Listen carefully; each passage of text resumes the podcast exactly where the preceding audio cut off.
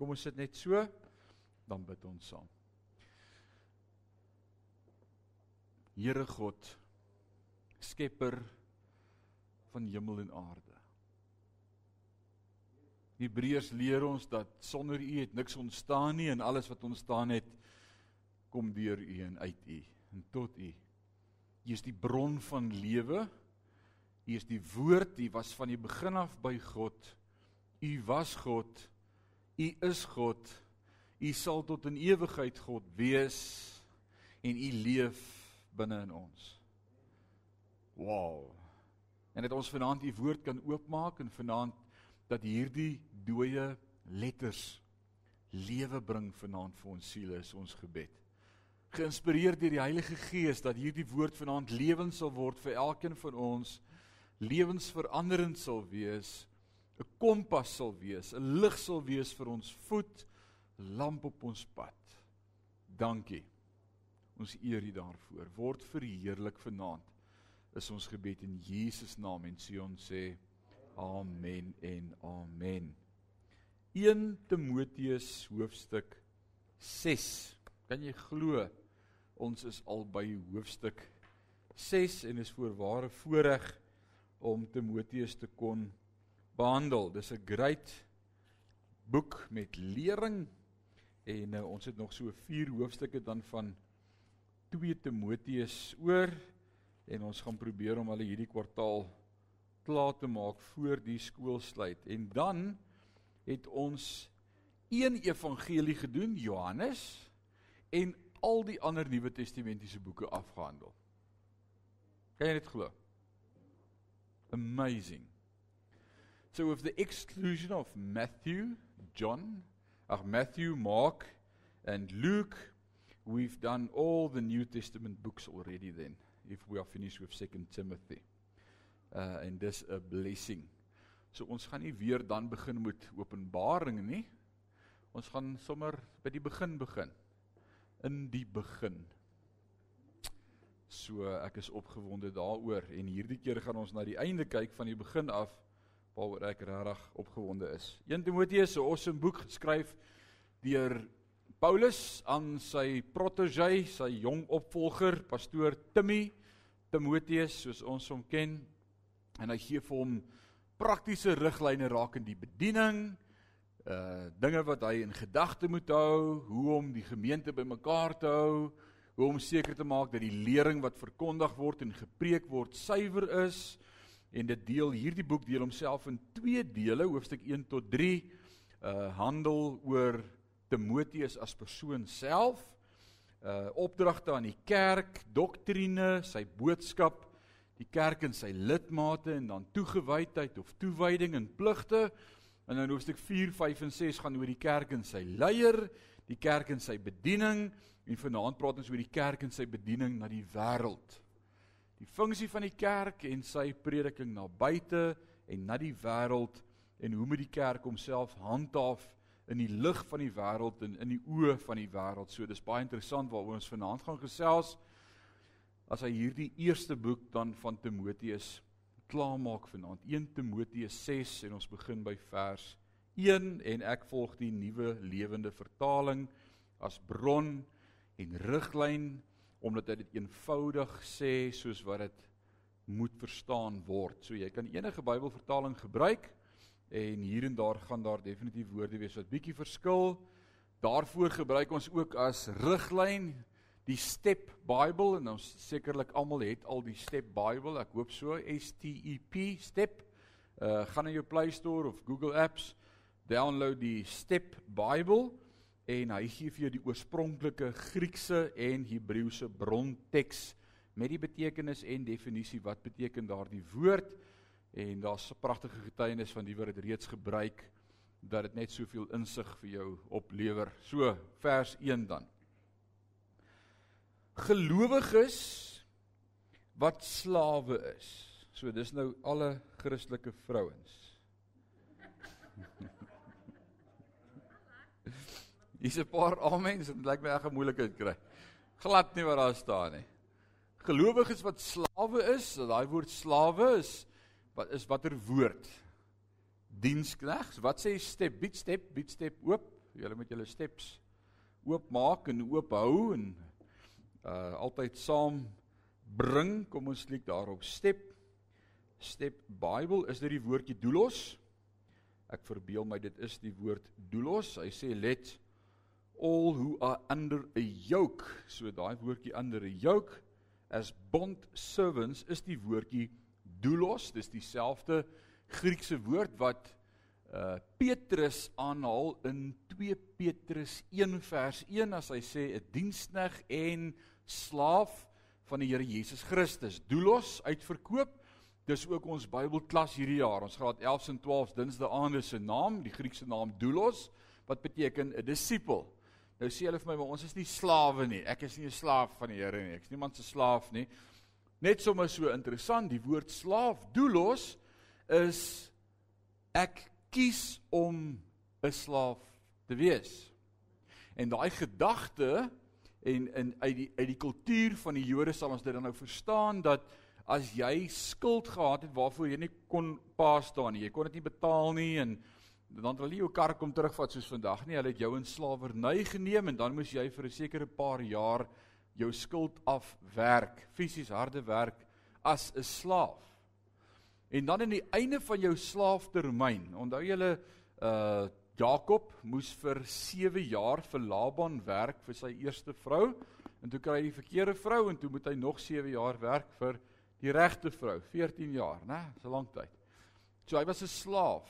Maar dan aan die einde van jou tydperk as jy uitgedien is en jy het 'n goeie baas gehad en hy het mooi na jou gekyk en en jy het in 'n goeie uh, plekkie gebly, buitekamer en hy het vir jou lekker kos gegee en jy het lekker gewerk en jy wil aanhou om te werk vir hierdie ou. Jy wil sy diensneg bly, dan kan jy kies vrywillig om 'n slaaf te word van hierdie persoon. Dan word jy 'n doulos. So ek kies nou om jou slaaf te wees en dis die woord wat Petrus gebruik en Paulus hier as hy praat oor om 'n slaaf te wees van Christus. So ek is nie sy puppet nie, maar ek het my lewe oorgegee. I willingly decided to submit on his authority. It is a beautiful concept. So die gedagte is pragtig en nou skryf hy hier in hoofstuk 6 vers 1 en dan skryf hy aan gelowiges wat slawe is. Met ander woorde, diensknegte, ondergeskiktes, werknemers wat iemand in autoriteit bo jou het wat na jou kyk. Jy jy moet verantwoording doen teenoor iemand, maar jy's 'n geredde persoon. So hy praat nou eintlik met elkeen van ons. Behalwe as jy nou regtig op pensioen is en jou vrou is nie die baas by die huis nie, dan kan jy sê ek is nie 'n slaaf nie. Maar die meeste van ons is maar nog slawe. Snaaks 'n vriend van my het 'n paar jaar terug sy doktoraal gedoen oor moderne slawerny. Toe sê ek moderne slawerny, regtig. Toe sê hy elkeen van ons is indirek nog steeds 'n slaaf. Jy werk vir 'n baas, hy bepaal wanneer jy verlof, wanneer kan jy huis toe gaan, hoe laat kan jy gaan eet, hoeveel geld kry jy. Interessant. Die konsep het ander name en menseregte en kontrakte, maar ons is maar nog elkeen nog steeds slawe. So gelowiges wat slawe is, moet aan hulle eienaar volle respek betoon. So hy hy hy praat met elke werknemer en hy gee sommer 'n bietjie praktiese raad oor ons as gemeente. Hy praat met hierdie gemeente van Timoteus en hy sê hoe moet hierdie gemeente om daar buite in die wêreld the English word is portray, né? Uh uh verteenwoordig, uitstraal. Wat watter beeld moet jy uitstraal daar buite in die wêreld? Want hulle weet jy's 'n kind van die Here. Hoorie, maar as jy nie sonnaar daar by Sion nie, jy's mos 'n kind van die Here. So by jou werk Wat moet jy doen? Aan hulle eienaars volle respek betoon sodat die naam van God en sy leringe nie beskaam word nie. Met ander woorde, daar waar jy buite is in jou werksplek, daar waar jy jou werk doen, of jy in iemand se tuin werk of iemand se kar was en of jy nou vir jou vrou 'n skildery moet ophang by die huis, wat ook al jy doen, moet jou gesindheid wees ek doen dit asof ek dit vir die Here doen. Sê Paulus dit nie ook in die woord van die Here? Die doen alles wat julle doen asof vir die Here. So werknemers, diegene wat onder julle juk is, moet goeie werkers wees. Wanneer die fluitjie blaas, wanneer die klok 5 uur slaan, moet jy nie die eerste een wees wat in jou kar is nie. Wanneer daar net soveel van jou verwag word, moet dit nie wees waar jy jou pen neersit en sê net hier stop ek nou nie. En, en ek sê nie moet toelaat dat jy misbruik word nie. Ek sê net ons moet 'n ander getuienis hê as die res van die ouens saam met wie ons werk. So, verstaan ons dit? En dis hoekom dit vir my so awesome is as ek oproepe kry uit ons gemeenskap uit en ouens wat sê hoor jy ek het 'n pos oop by my maatskappy of by my firma of wat ook al, julle nie iemand in julle gemeente wat werk soek nie. En dit moet die getuienis wees van enige gemeente van Christus. Is dat oor die onsoek van daai ouens om vir ons te kom werk want hulle hulle het etiek, hulle het waardes, hulle is anders as die wêreld. En dis awesome. Dit moet hoe ons moet na buite lewe uh wees 'n getuie vir Jesus Christus deur die beste werker of beste atleet of beste student of beste vakman of beste enigiets te wees, beste pensionaris te wees wat jy kan wees. So wat ook al jy is, wees die beste. Wow, dis 'n klare mond vol. Kobus, is dit die preek? Ons kan eintlik net sê amen, né? Wees net die beste. As jy vir jou sassa in die ry gaan staan, moenie moan en groan en negatief wees oor alles nie. Wees die beste. Maak nie saak waar op watter vlak jy beweeg nie, wees die beste. Die wêreld is nie op die wêreld is op soek na redes om nie in God te glo nie. Moenie een van hulle wees nie. D dis iets gesê, né? En dis eintlik wat Timoteus hier sê. Vers 2 as jou eienaar, dis 'n Dis 'n snaakse woord in ons konteks. Nou, ons het nie eienaars nie. So kan ons sê jou baas of jou vrou nie. Jou jou wat? Jou bestuurder, jou werkgewer, uh jou hoër gesag. The authority above you. As as jou eienaar 'n mede-Christen is, ek werk vir Johan, En ah, Johannes se kind van die Here. En dis so awesome om vir Johan te werk. Uh hoor wat sê Paulus. Hy sê as jou eienaar 'n mede-Christen is, is die feit dat julle geloofsbroers is, geen verskoning om oneerbiedig op te tree nie. Julle behoort dan selfs harder te werk want dan is dit gelowiges en geliefdes wat uit julle kwaliteit werk voordeel trek. Onderrig hierdie waarhede Timoteus en moedig almal aan om dit te gehoorsaam. So hy sê as jou werkgewer 'n Christen is, wel loof die Here, dis great. Maar as geen rede vir jou om dan buddy buddy te wees met jou baas om ah jy verstaan mos nie. Jy weet my baas sal verstaan as jy inbel en sê hoorie Johan, ek kan nou nie vanmôre 8 uur by die werk wees nie. Jy weet die Heilige Gees het op my hart gelê om so 'n bietjie te vas vanmôre. Ek gaan so 'n bietjie laat wees. Jy verstaan mos die werk jy dinge van die Here, Johan. Jy's mos ook 'n kind van die Here. Ek sal jou later sien. Nee, nee, nee, nee, nee. Inteendeel, hy sê as dit 'n medegelowige is, nie, dan doen jy meer as jou deel om respek te hê vir hom omdat jy 'n medegelowiges is. Sure.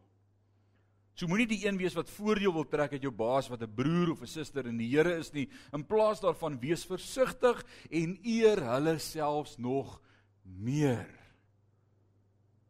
Ek dink aan toe ek in die weermag was in uh Voortrekker Hoogte in ons bungalow was uh ons bungalow korporaal wat oor ons aangestel was. Hy was 'n twee streep uit die Kaap uit Pedro, kleerling. En hy het van daai PTO, hy daai swaartjies gehad. Onthou jy die swaartjies, Kobus? En dit beteken moeilikheid.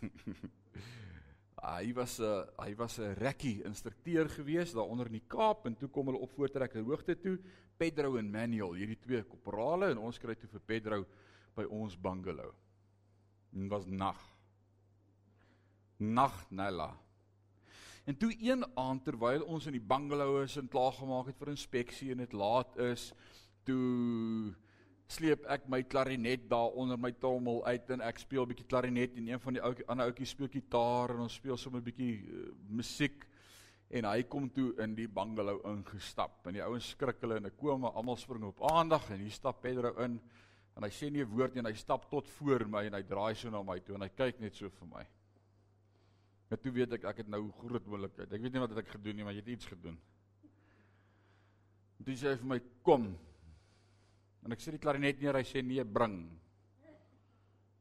En hy vat die ander ou se gitaar uit sy hand uit en hy sê die res kan aangaan en ons loop. En ons gaan sit in daai eerste cubicle. Onthou jy die bungalow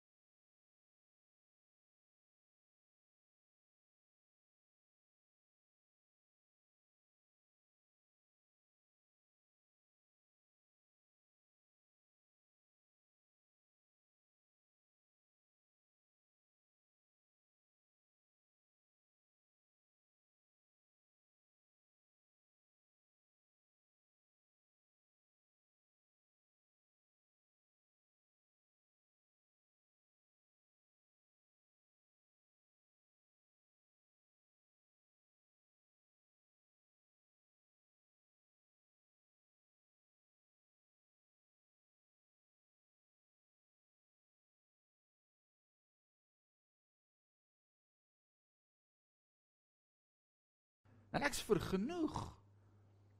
Inteendeel, kom ons wees eerlik. Hoeveel van ons is eintlik besig om op te gaar by die huis? As jy jou kas oopmaak, dan vat dit jou 10 minute om uit te figure watter hemp van die klomp wil jy nou vanaand aantrek. Hæ? Huh? Iemand het eendag gesê as jy 6 maande nie 'n hemp gedra het nie, gaan jy hom nie weer dra nie. Ooh, maar dit is so 'n mooi hempie, jy weet, dalk dalk dalk pas hy weer. dalk verloor ek gewig. Ons sit hier agter. 1 jaar, 3 jaar, 5 jaar, 10 jaar. En ons is onvergenoeg. Paulus sê as jy 'n broek in jou bas het en 'n hemp om jou lyf, is jy gebless want jy het 'n verhouding met die Here. En ek dink hierin lê vreugde in ons dag, omdat ons vergenoeg lewe, omdat ek tevrede is met wat ek het. Ah, oh, die Here moet ons help hiermee. Right, vers 7 en 8 sê ons het immers niks saamgebring toe ons in die wêreld gekom het nie en ons kan ook nie enigiets saamneem wanneer ons sterf nie. As ons dus genoeg kos en klere het, laat ons tevrede wees. Sê saam met my tevrede. Oh, tevrede. Oor die Here moet ons help met tevrede wees. Hy sê as jy kos het om te eet en jy klere aan jou lyf, wees tevrede. En hierdie is nie 'n opsie nie, dis nie 'n beginsel nie, dis 'n op drag. Wees vergenoeg. Ek het hierdie week weer twee begrafnisse gehad nou en ek sê jou daai kus het nie 'n hak aan nie. Jy kan nie 'n venter sleep waar saam met jou vat nie. Hy bly in die gat. Jy jy kan dit nie saamvat nie. Net jy. Net jy. En ons gaan praat oor wat kan jy saamvat want daar is goed wat jy saam met jou kan vat en dis awesome. Maar nie materiële dinge nie. Right. Laat my dink aan die storieetjie wat ek gehoor het van die reisiger wat in Mexiko kom en daar is hierdie pragtige berge in Mexiko en hierdie spesifieke berg het twee fonteine. En hierdie twee fonteine, een is warm en een is koud. En dan vloei hulle so saam en dan hier onder teen die berg kom hulle by mekaar uit. Maar net voor hulle by mekaar kom, daar waar die twee strome nog afsonderlik is, daar kom hierdie klomp uh indiane by mekaar en dan was hulle wasgoed aan die een kant en aan die ander kant kry hulle drinkwater vir die huis. En die een reisiger kom verby en hy kyk hierdie storie so hy sê: "Jesus, julle is daarin bevoordeel. Julle moet vir moeder natuur dankie sê vir warm en koue water." Is dit nie wonderlik hoe moeder natuur voorsien nie? En hierdie een ou kyk so op en hy sê: "Dankie sê. Daar's dan nie seep gegee nie." En dit het my so laat dink aan hoe ons is in die lewe. There's always something more we would like to have. Daar sou altyd iets anders wees.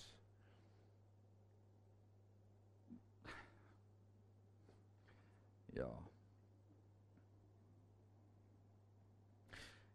Ek ek wil die stelling maak in die in die oë van ons ekonomie en hoe ons getalle en syfers hier in Suid-Afrika lyk met betrekking tot ons gemeenskap en ons omgewing dat die Here is vir ons gemeente so fenomenaal goed. Te midde van lockdown, te midde van waardeur ons hierdie laaste 2 jaar moes werk, het ons elke jaar nog steeds 'n groei getoon finansiëel in ons inkomste, in ons getalle, in ons bywoning uh, deur vanmôre se twee dienste, die wat op YouTube ge, uh, byge uh, gekyk het en bygevoeg is finansiëel. Statistiek in ons gemeente wys dat die armste persoon in ons gemeente ryker is as 90% van die wêreld se bevolking.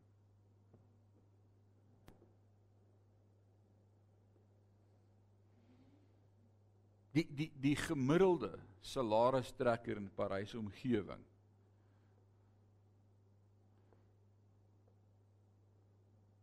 you know what's privileged? Gebless bevoorreg genade. En dink daaraan volgende keer as jy bekommer of kort seep. Dink daaraan.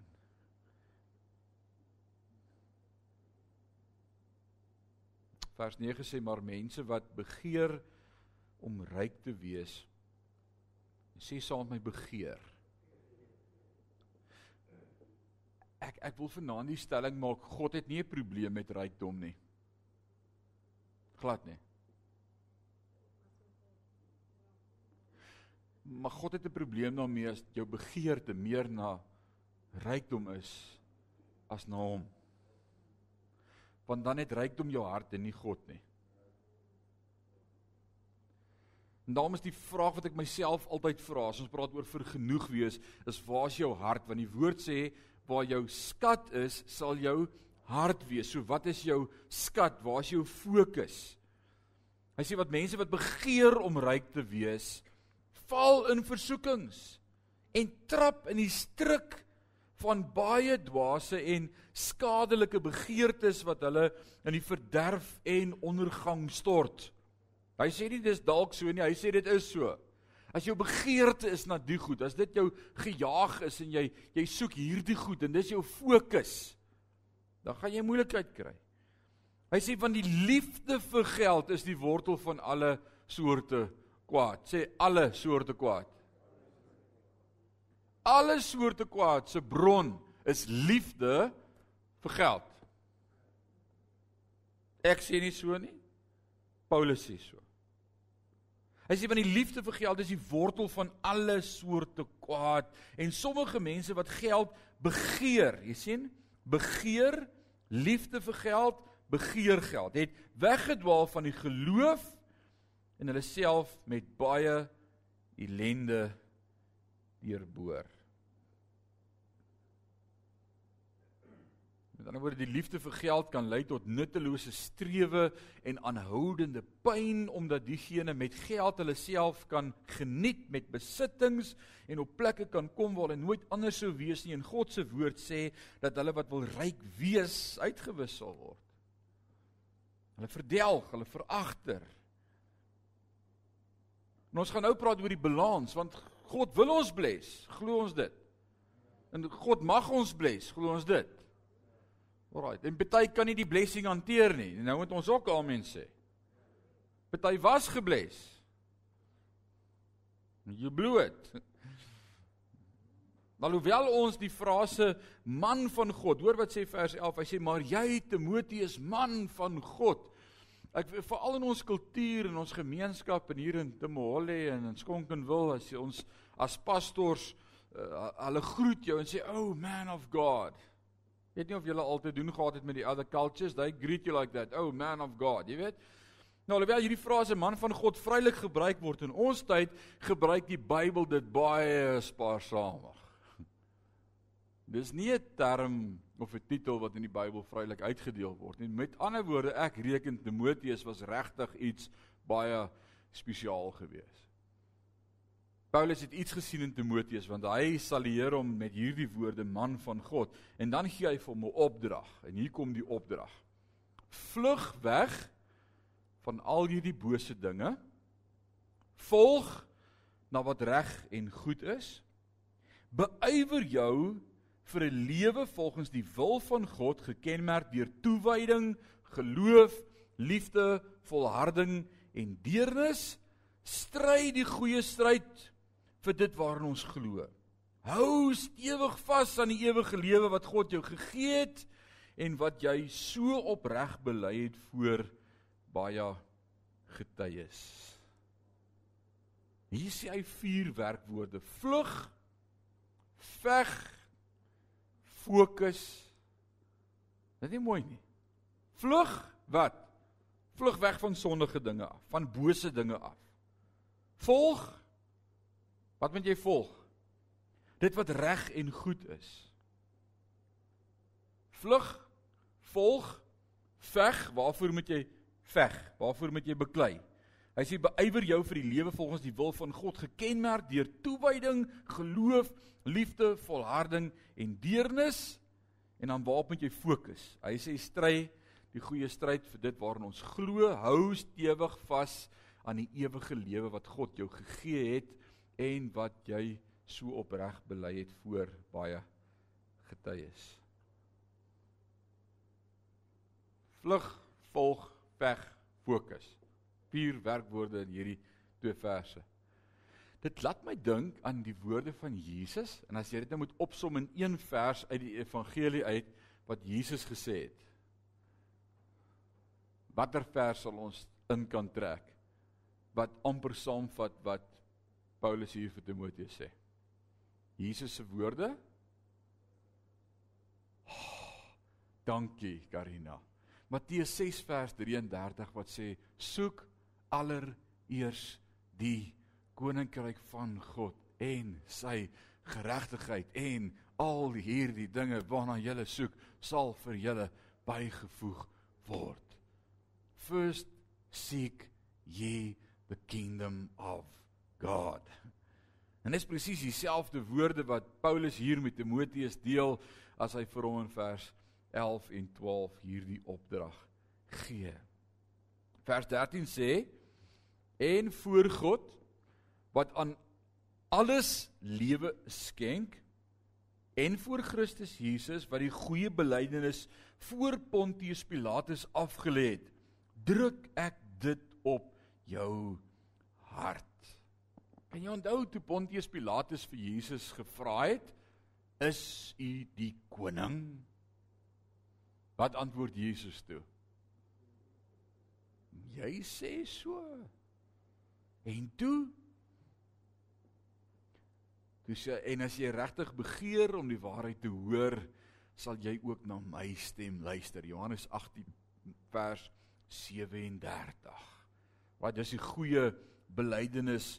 Kon Pontius Pilatus een ding kry teen Jesus om hom aan te kla? Inteendeel, wat het hy gedoen aan die einde van hulle gesprek? Sy hande gewas en toe sê hy ek vind geen skuld by hierdie man nie. Nou, hou gou hierdie gedagte oomblik vas. In konteks met hierdie hoofstuk, waaroor gaan hierdie hoofstuk? Hoe ons moet lewe in die wêreld, ons getuienis na die wêreld. Dis waar ons begin het vanaand. En dan praat hy spesifiek met ons as kinders van God oor hoe ons moet submit aan die owerhede en die ons baase wat bo ons aangestel is, gesagfigure bokant ons, hoe ons moet vry lewe van geldgierigheid, hoe ons vergenoeg moet wees en tevrede moet wees, waarop ons moet fokus, waarvan ons moet wegbly. Soek eers die koninkryk van God en sy geregtigheid. En dan sê hy sodat ons ook die goeie belydenis voor die wêreld kan hê wat Jesus voor Pontius Pilatus gehad het en wat was die belydenis? Hulle kan net niks verkeerd van jou sê nie. Hulle kan net nie 'n vinger na jou wys nie. Jy is die perfekte werknemer. Hy's voordat hy hier moet wees by die werk is hy hier en hy loop na al die ander en ek kan hom vertrou met meer as waarmee ek die ander kan vertrou en hy's altyd vriendelik en sy gesindheid is reg en hy's eerbiedig en en hy het maniere en hy doen sy werk 200% en dit is Ek vind dit nie fout met hierdie ou nie. Dink jy hulle gaan jou as kind van God in die pad steek omdat jy kind van die Here is as jy so getuienis het? Maar die hartseer deel is ons kinders van die Here het gewoonlik die teenoorgestelde getuienis. Ons kom laat, ons loop vroeg, ons is lui, ons wil nie werk nie. Ons het nie 'n mooi getuienis nie. En ons skryf weg agter die feit dat ons kinders van God is, want dan moet ons mos nou genade hê. Ouens, die Here moet ons help dat ons dit omdraai. In 2000 jaar terug het Paulus reeds hierdie waarheid met Timoteus gedeel. Ons is anders as die wêreld. Vers 14 sê dat jy jou opdrag spesifiek en onberispelik uitvoer totdat ons se Here Jesus Christus weer verskyn. Want op die bestemde tyd sal God Jesus Christus openbaar. Sê saam met my bestemde tyd. Wie het die tyd bestem? God die Vader. Ken Jesus die uur? Nie eers die seun ken die uur nie sê Jesus, behalwe net die Vader. En wanneer die Vader sê gaan haal my bruid, dan gaan haal hy sy bruid. En ou man, ek bid elke dag mag dit vandag wees. Ha? Die tyd kom nader, die tyd kom nader. Ek en my buurman praat nou die dag en hy sê vir my, "Jog, het jy gesien petrol gaan nou weer op? Kobus, het jy gesien hoeveel gaan petrol en diesel op?" En uh hy sê vir my die prys van brood is op en aartappels is duurder en hulle gaan kos koop in 'n trolly waar hulle soveel kon koop kan hulle so 'n mandjie koop vir dieselfde prys. Alles gaan net op. Karpryse is op, alles is op. En toe ek 'n gap kry, toe sê ek vir hom loof die Here, een van die dae gaan ons ook op. Dit kan nie wag nie. Want op die bestemde tyd sal God Jesus Christus openbaar. Jesus vra die gelykenis, hy sê sal daar nog geloof wees? Soos hierdie vrou wat aangehou kla het by die onregverdige regter, doen reg aan my, doen reg aan my, sal daar nog sulke geloof op die aarde wees as die seun van die mens kom? Sal daar geloof wees wat nog sê, Here, kom? Sal daar 'n verwagting wees? En ouens, ek weet nie, maar die ouens kyk so rond in die wêreld en in die tye en in die ekonomie en alles wat gebeur. Ek hoor nie meer die kerk sê Maranatha nie. Kom Here Jesus kom. Is ons leef in teologiese tye waar daar soveel verskillende teologiese sieninge is en ons wil mekaar respekteer en nou nie mekaar afronteer nie. En die ou glo ons is reeds in die 1000 jaar van vrede. Nou my liewe genade, as dit vrede is,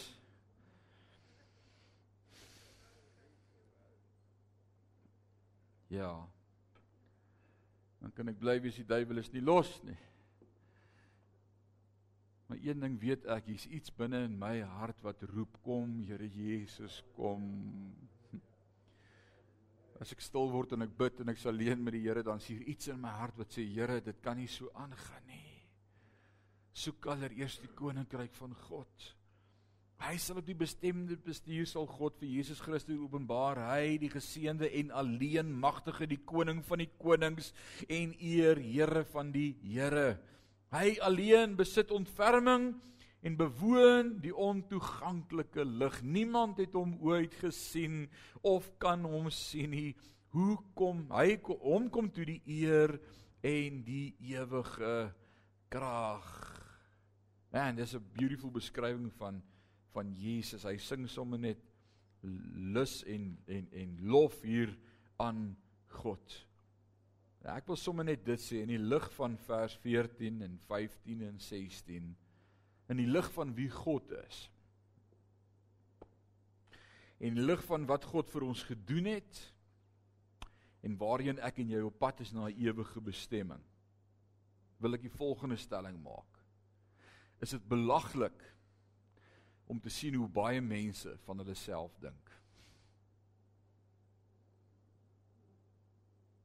Ja, hoekom moes jy dit nou gesê het? Want dis wat die woord my leer. Ek is niks. Hy is alles. Ek was die wurm. Hy het my kom red van my sonde. Ek was verlore en dood. Hy was my redder. Ek het hom nie gesoek nie, maar hy het na my kom soek.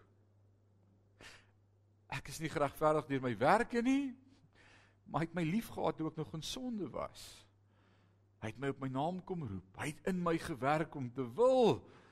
Dis hy wat my verander. Waarin het ek om te roem?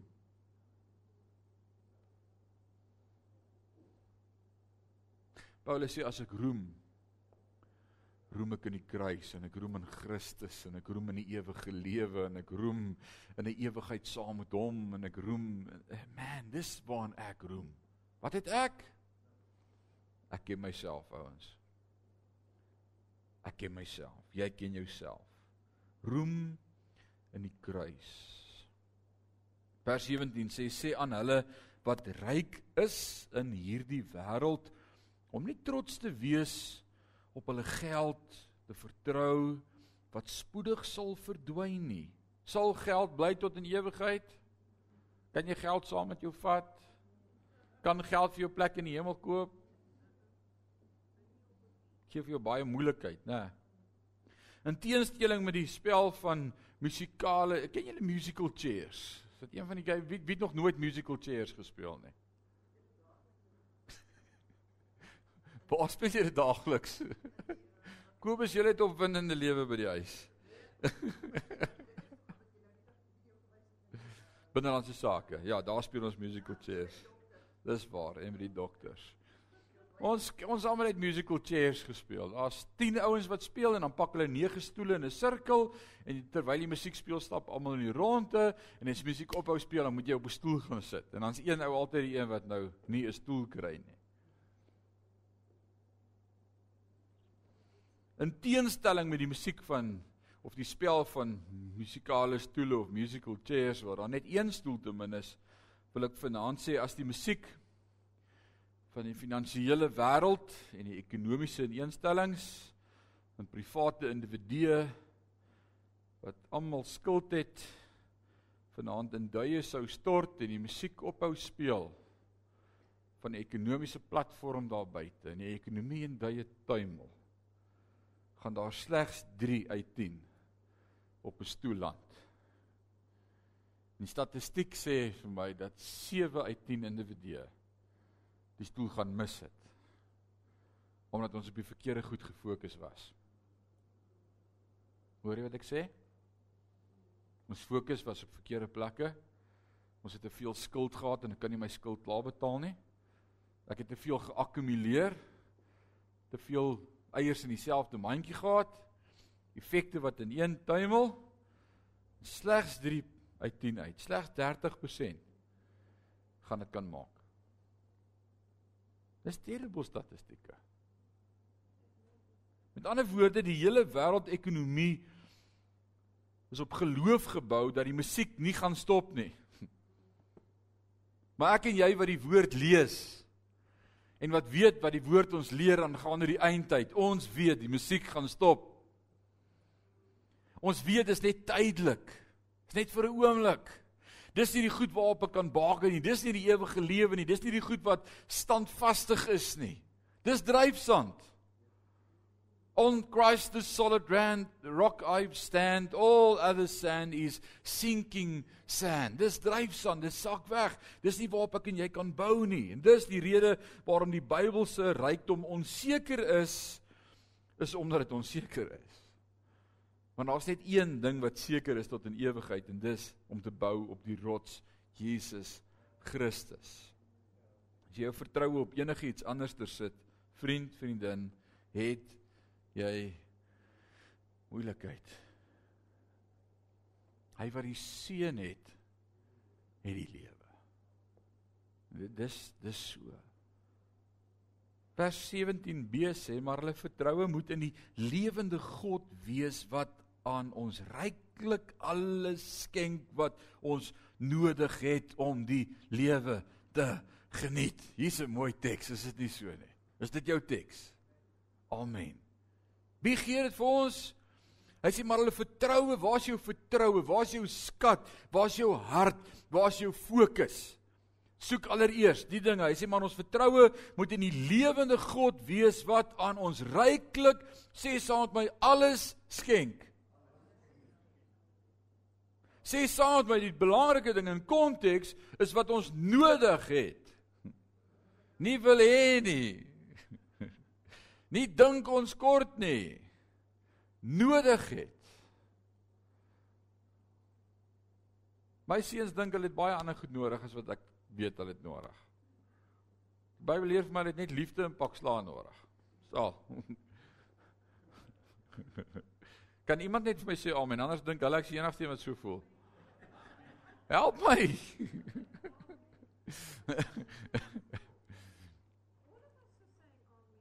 o, ons dink ons weet wat ons nodig het. Oh Lord, won't you give me a Mercedes Benz? Was dit nie 'n song gewees so 'n paar jaar terug, nê? Hy was op die top 10. Regtig kort jy 'n Mercedes? Ja, ek kort 'n Mercedes. Ek het dit vanmôre gesê. Jy gaan deur 'n era wat jy name it and claim it. Ek's 'n kind van die Here. Ek kan dit doen. Sê great, dis jou Mercedes. Hoe gaan jy hom betaal? Nee, ek het nou nie so ver gedink? Nee.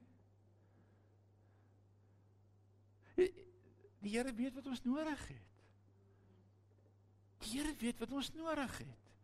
En ek kan jou storie na storie uit my eie lewe vertel oor my eenvoudige paar jare al op hierdie aardbodem van goed wat ek gedink het ek nodig het. Net om uit te vind. Dit kos net 'n klomp geld in skuld en dan moet ek nog maintenance ook betaal op hulle. En weet jy wat? Ek wil vanaand so ver gaan en ek het hier ingeskryf vanmiddag in my notas en dit hou my gevange.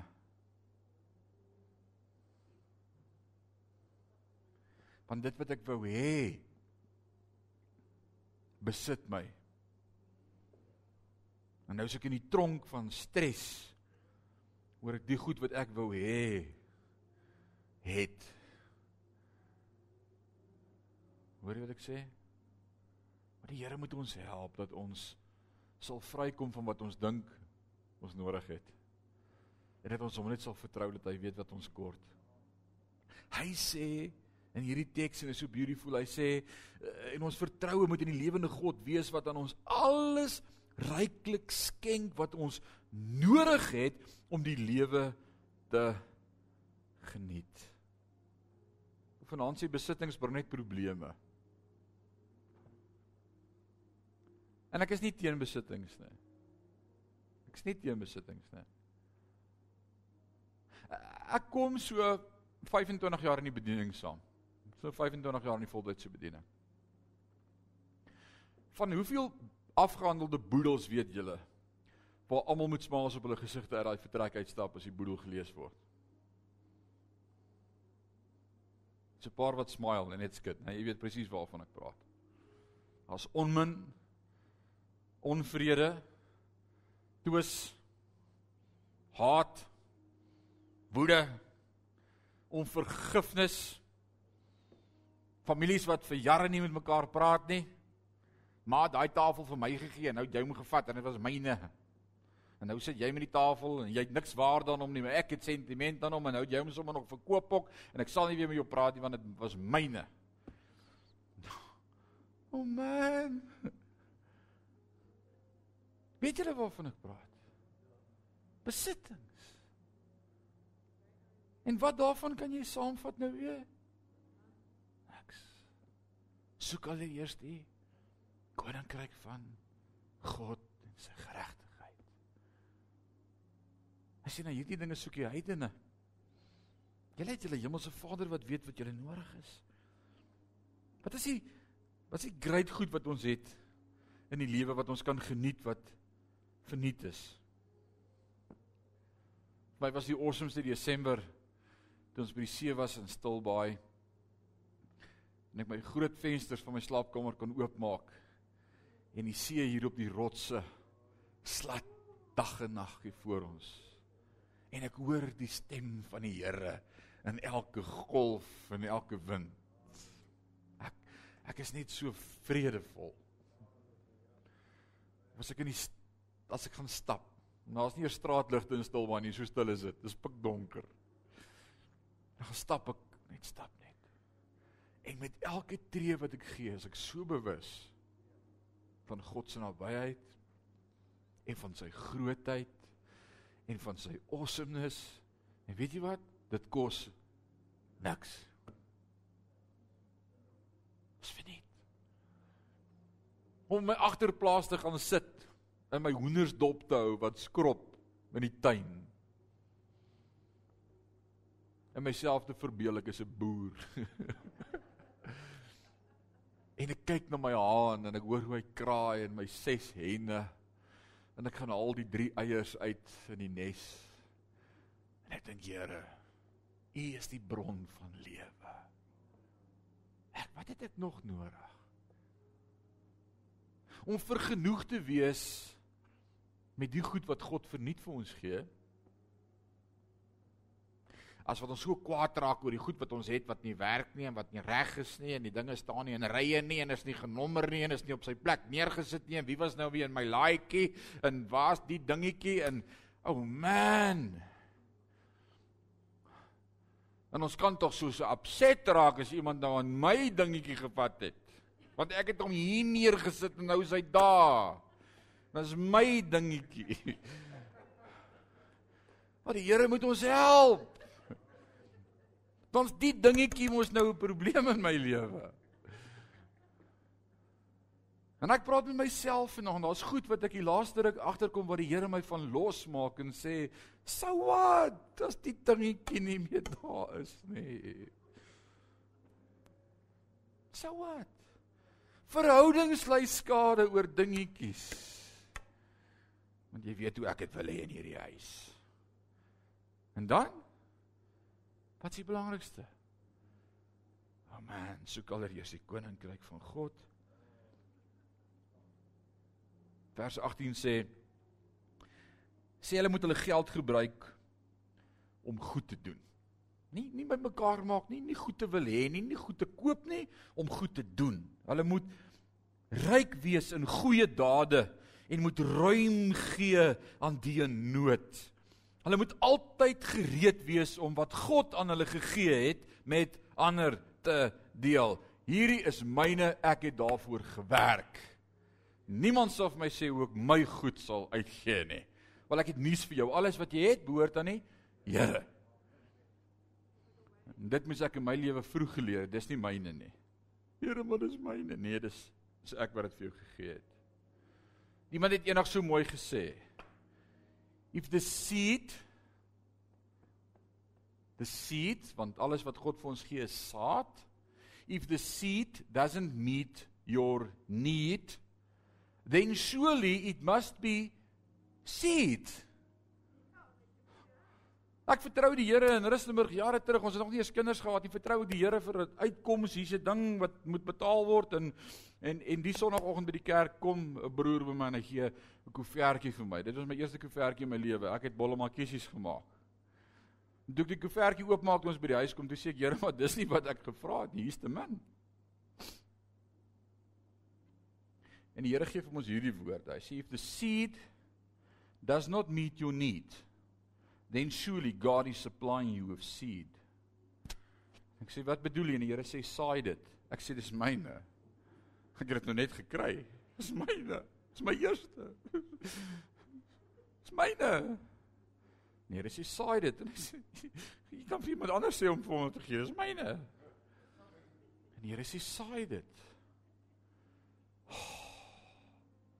Sien ek het gedink is myne. Maar is nooit myne nie, is God se. En hoe meer ek weggee, hoe meer bless God my. So ek moes daar daai les leer. Ek ek sê toe okay, vir wie moet ek hierdie saad gee, Here? En die Here sê vir my vir wie ek dit moet gee en ek gee en ek los. Maar die volgende dag toe kom daar 'n oom by ons huis aan en dis nou 'n getuienis. Vergewe my as ek dit al vertel het.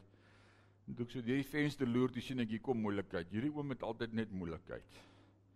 Niks jonk in die bediening. Ek het nie vandag lus vir moeilikheid nie. En hy klop aan die deur en ek sê ek's nie by die huis nie. My vrou is by die werk en ek sal leen en ek sê ek's nie by die huis nie.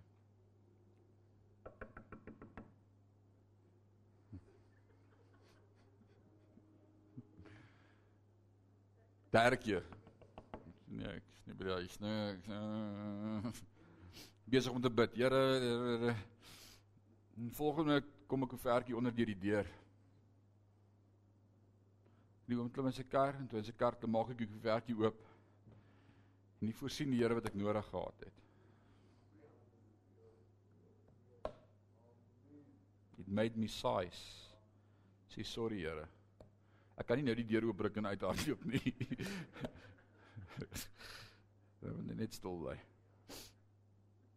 As God jou moet rykdom seën, word die mees vrygewigste persoon wat jy kan wees. Wat die snaakste ding van geld is dikwels meer hoe meer mense gebless word met rykdom, hoe suiwiger word hulle. Mag die Here ons help dat hy ons kan vertrou met meer sodat ons sy koninkryk meer sal laat vooruit gaan. Goeie rentmeester sal wees. Vers 19, kom ons maak klaar. Deur dit te doen sal hulle vir hulle 'n skat opbou, 'n goeie fondament vir die toekoms sodat hulle die egte lewe kan ontvang. Die gesegde is waar jy kan niks met jou saamvat nie, maar wat kan jy saamvat? Wat kan jy vooruitstuur? Siele? En elke sent wat jy gee vir die koninkryk, is saad waarvoor ek in die ewigheid beloon gaan word. Jy dit besef? God sê ek skuld niemand niks nie. Vir elke sent wat jy gee, gaan ek jou beloon. Alright, that you sow into the kingdom of God.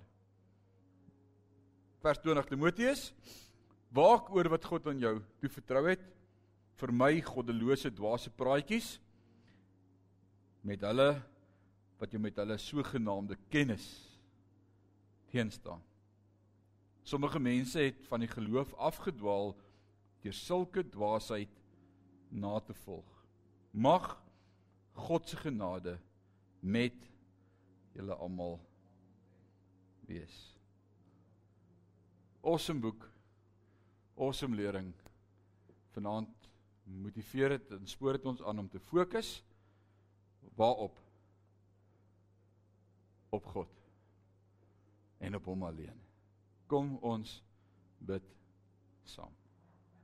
Ewige God en Hemelse Vader, dankie vir u woord. Die woord slaan soms harde houe. Maar dit is nodig vir ons om te hoor. En ons weet as ons dit vanaand hoor, dan resoneer daar iets in ons harte geïnspireer deur die golf van die Heilige Gees wat saam met u woord werk om in ons te wil. En daar gebeur vanaand in ons harte iets wat sê, "Yes. Dis hoe dit moet wees." Here vir vanaand was vanaand se woord dalk harde woorde, woorde wat nie lekker is om te hoor nie, maar awesome lewensveranderende woorde wat lewe bring, want U is die bron van lewe. En vanaand is die enigste vraag is wie vertrou jy? Waar is jou vertroue in jou geloof? Is dit op God? Is jy vergenoeg met wat hy vir jou gee of dink jy jy weet beter? En ek wil vanaand bid opnuut, my hande in U hand sit en sê Here, U weet die beste, U weet wat ek nodig het voor ek vra. En ek wil bid help ons om die lewe net weer te geniet en dinge om ons te sien in die natuur en die skoonheid en die pragt en die eenvoud van 'n voël wat sing in 'n boom voor my kamervenster meer te waardeer as dit wat ek dink geld kan koop. Help ons om te fokus op die koninkryk en op die ewigheid en op dit wat God gemaak het, die gratis dinge in die lewe. Here ek wil bid dat dit ons getuienis sal wees dat ons volgers is, navolgers is van Christus die beste werkers wat daar kan wees, die mense met die mooiste gesindheid wat daar kan wees, vry van enige aanklag. En Here, groter is U wat in ons is as hy wat in die wêreld is. Aan U dan vanaand al die lof en al die eer en al die aanbidding van ons harte is ons gebed